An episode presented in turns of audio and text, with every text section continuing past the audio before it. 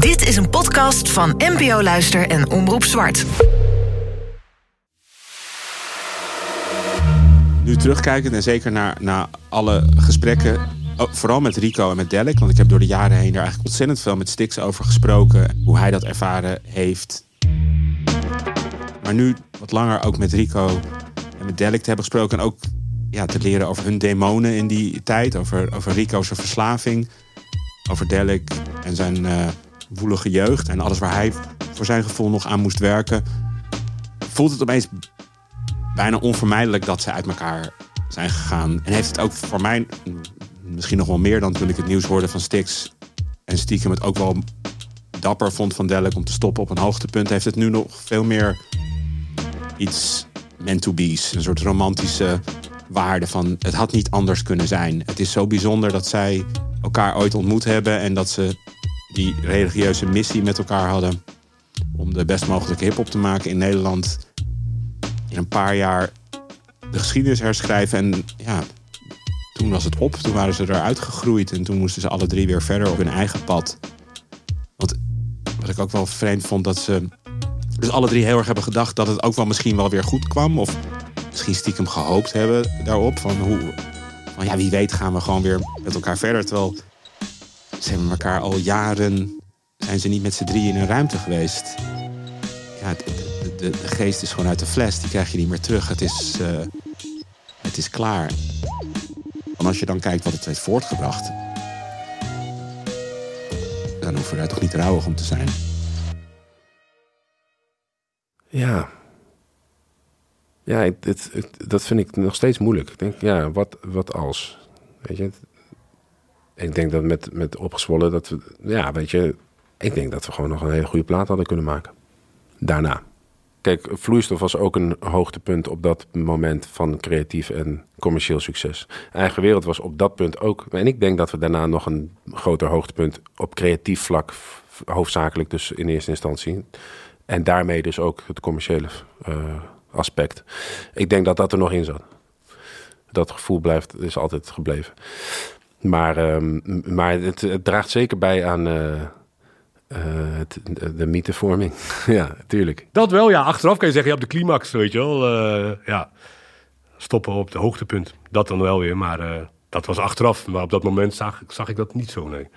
Maar je zou het ook zo, nu denk ik hardop, kan ook zien, van misschien was Delk wel heel scherp en dacht, ja, dit gaat niet beter worden. Ik wil meer muzikaler. Rico, die, is, die zit op een andere planeet. Uh, daar hoef ik nu even niets mee te schaften te hebben. Het is klaar. Zo kan je het ook zien, dat hij misschien het voorzien heeft. Maar ik voelde wel en heb altijd het gevoel van hij wilde geen fuck meer mee te maken hebben. Echt niks. niks met opgezwollen. Dan wilde hij gewoon echt, dat is helemaal klaar. Hij was heel stellig in alles. Dus ook daarin. In het geluid van de snare, maar ook in de, van ik moet nou iets anders doen.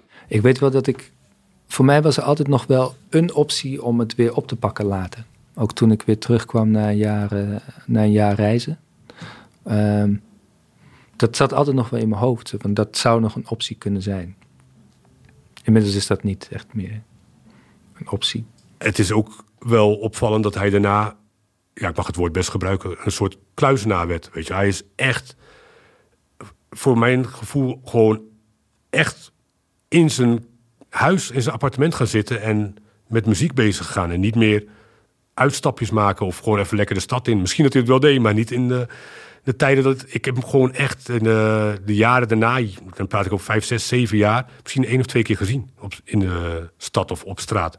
Ja, ja, dat is wel bijzonder als je in dezelfde stad woont. Ja, ik heb nog gewoon, ook niet eens bewust hoor, in die zin van... Ehm, ik, ik, ik blok nummers van mensen, maar gewoon ik ben totaal geobsedeerd geraakt dat het hele psychologie en uh, zeg maar onderzoekstuk van je psyche, ehm, het, het, schilderen zelf, wat echt een obsessie is geweest, ehm, van de grond krijgen van sowieso mijn eigen, weet je, je eigen business, je eigen muziek uitbrengen. Dus ik, ik was gewoon heel druk.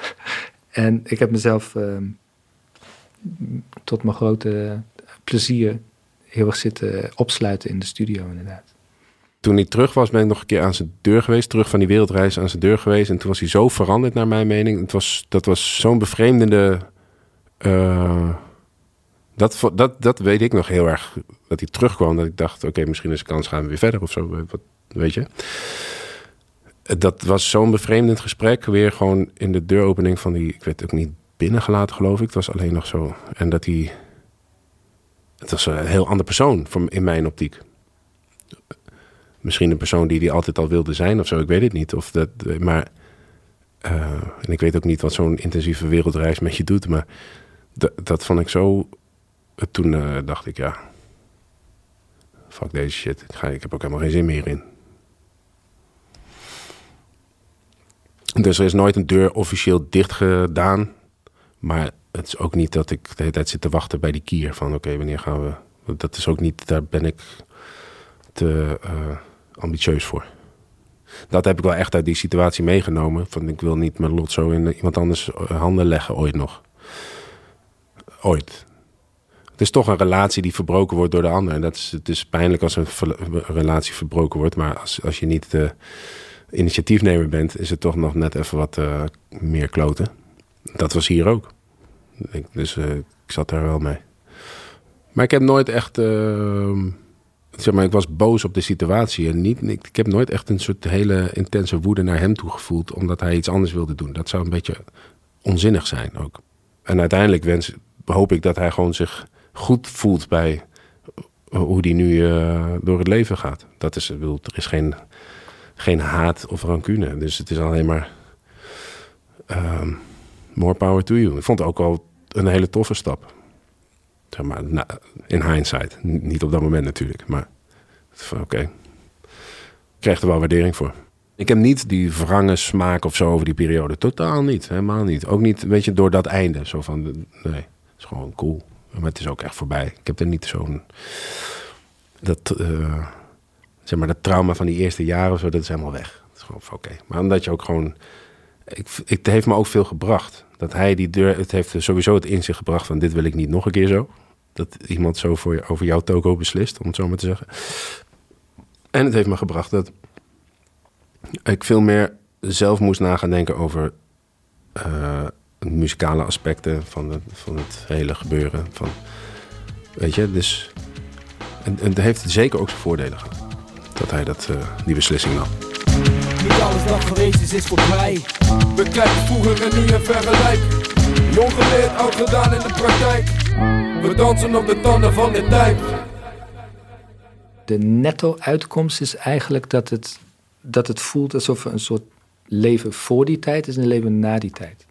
En dat als ik, eh, als ik nu denk aan leven voor die tijd, dat ik denk, oh ja, je zat best wel in een tunnel vast in mijn eigen psyche. Dat ik daar nu veel meer afstand van heb kunnen, eh, zeg maar zicht op heb kunnen krijgen. Ja, het is gewoon een, een hoofdstuk uit mijn leven. Waar ik met veel plezier eh, op. Weet je, als ik daar aan opgezwollen denk, dan, dan eh, me met trots en, en, vreugde. Maar da- daarna heb ik wel heel veel dingen gedaan die.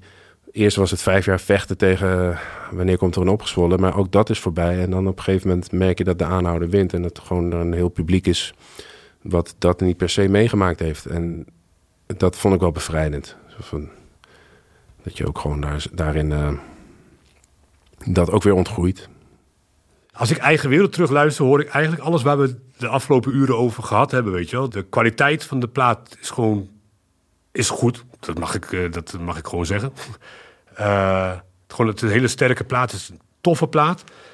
Dat was wel, ik denk wel mijn diepste punt eh, heb ik bereikt in mijn leven daar. Toen ik dus eh, dingen zag vliegen die er niet waren en alles wat er omheen kwam kijken. Ja, het is een beetje met, met een lach en een traan. Want die platen was, was een, een logboek van dat tijdperk eigenlijk. Door, ik luisterde dat terug en ik hoorde die stukken in die beats, dingen die gebeurden. Uitspraken van Stix en Rico. Dingen die ze zeiden, wat er dan gebeurde. Het is gewoon echt een logboek van het tijdvak. Ik echt heel, heel tof om dat zo te horen. Ik zie het als een, een soort een, een supermooi jongensboekverhaal. Ik vind het ook nog steeds. Toen ik die plaat weer luisterde, werd ik ook wel warm van alles. Ja, ik, ik luister nooit naar eigen wereld. En eh, ik luister geen enkele plaat die ik ooit heb gemaakt. Nooit. Never ever. Ik luister nooit mijn eigen muziek. Nooit. Ik luister eh, heel veel muziek, maar nooit mijn eigen. Maar weet je waarom? Ik ken het, hè? ik heb het gemaakt, dus ik, ik ken het.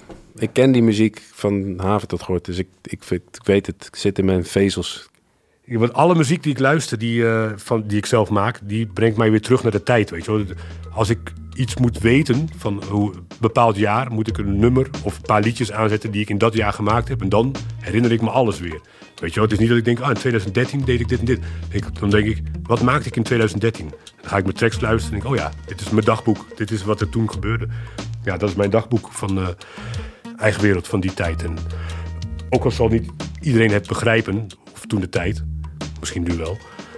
Ik weet wel waar, wat er eh, zich afspeelde met mij en met eh, ons.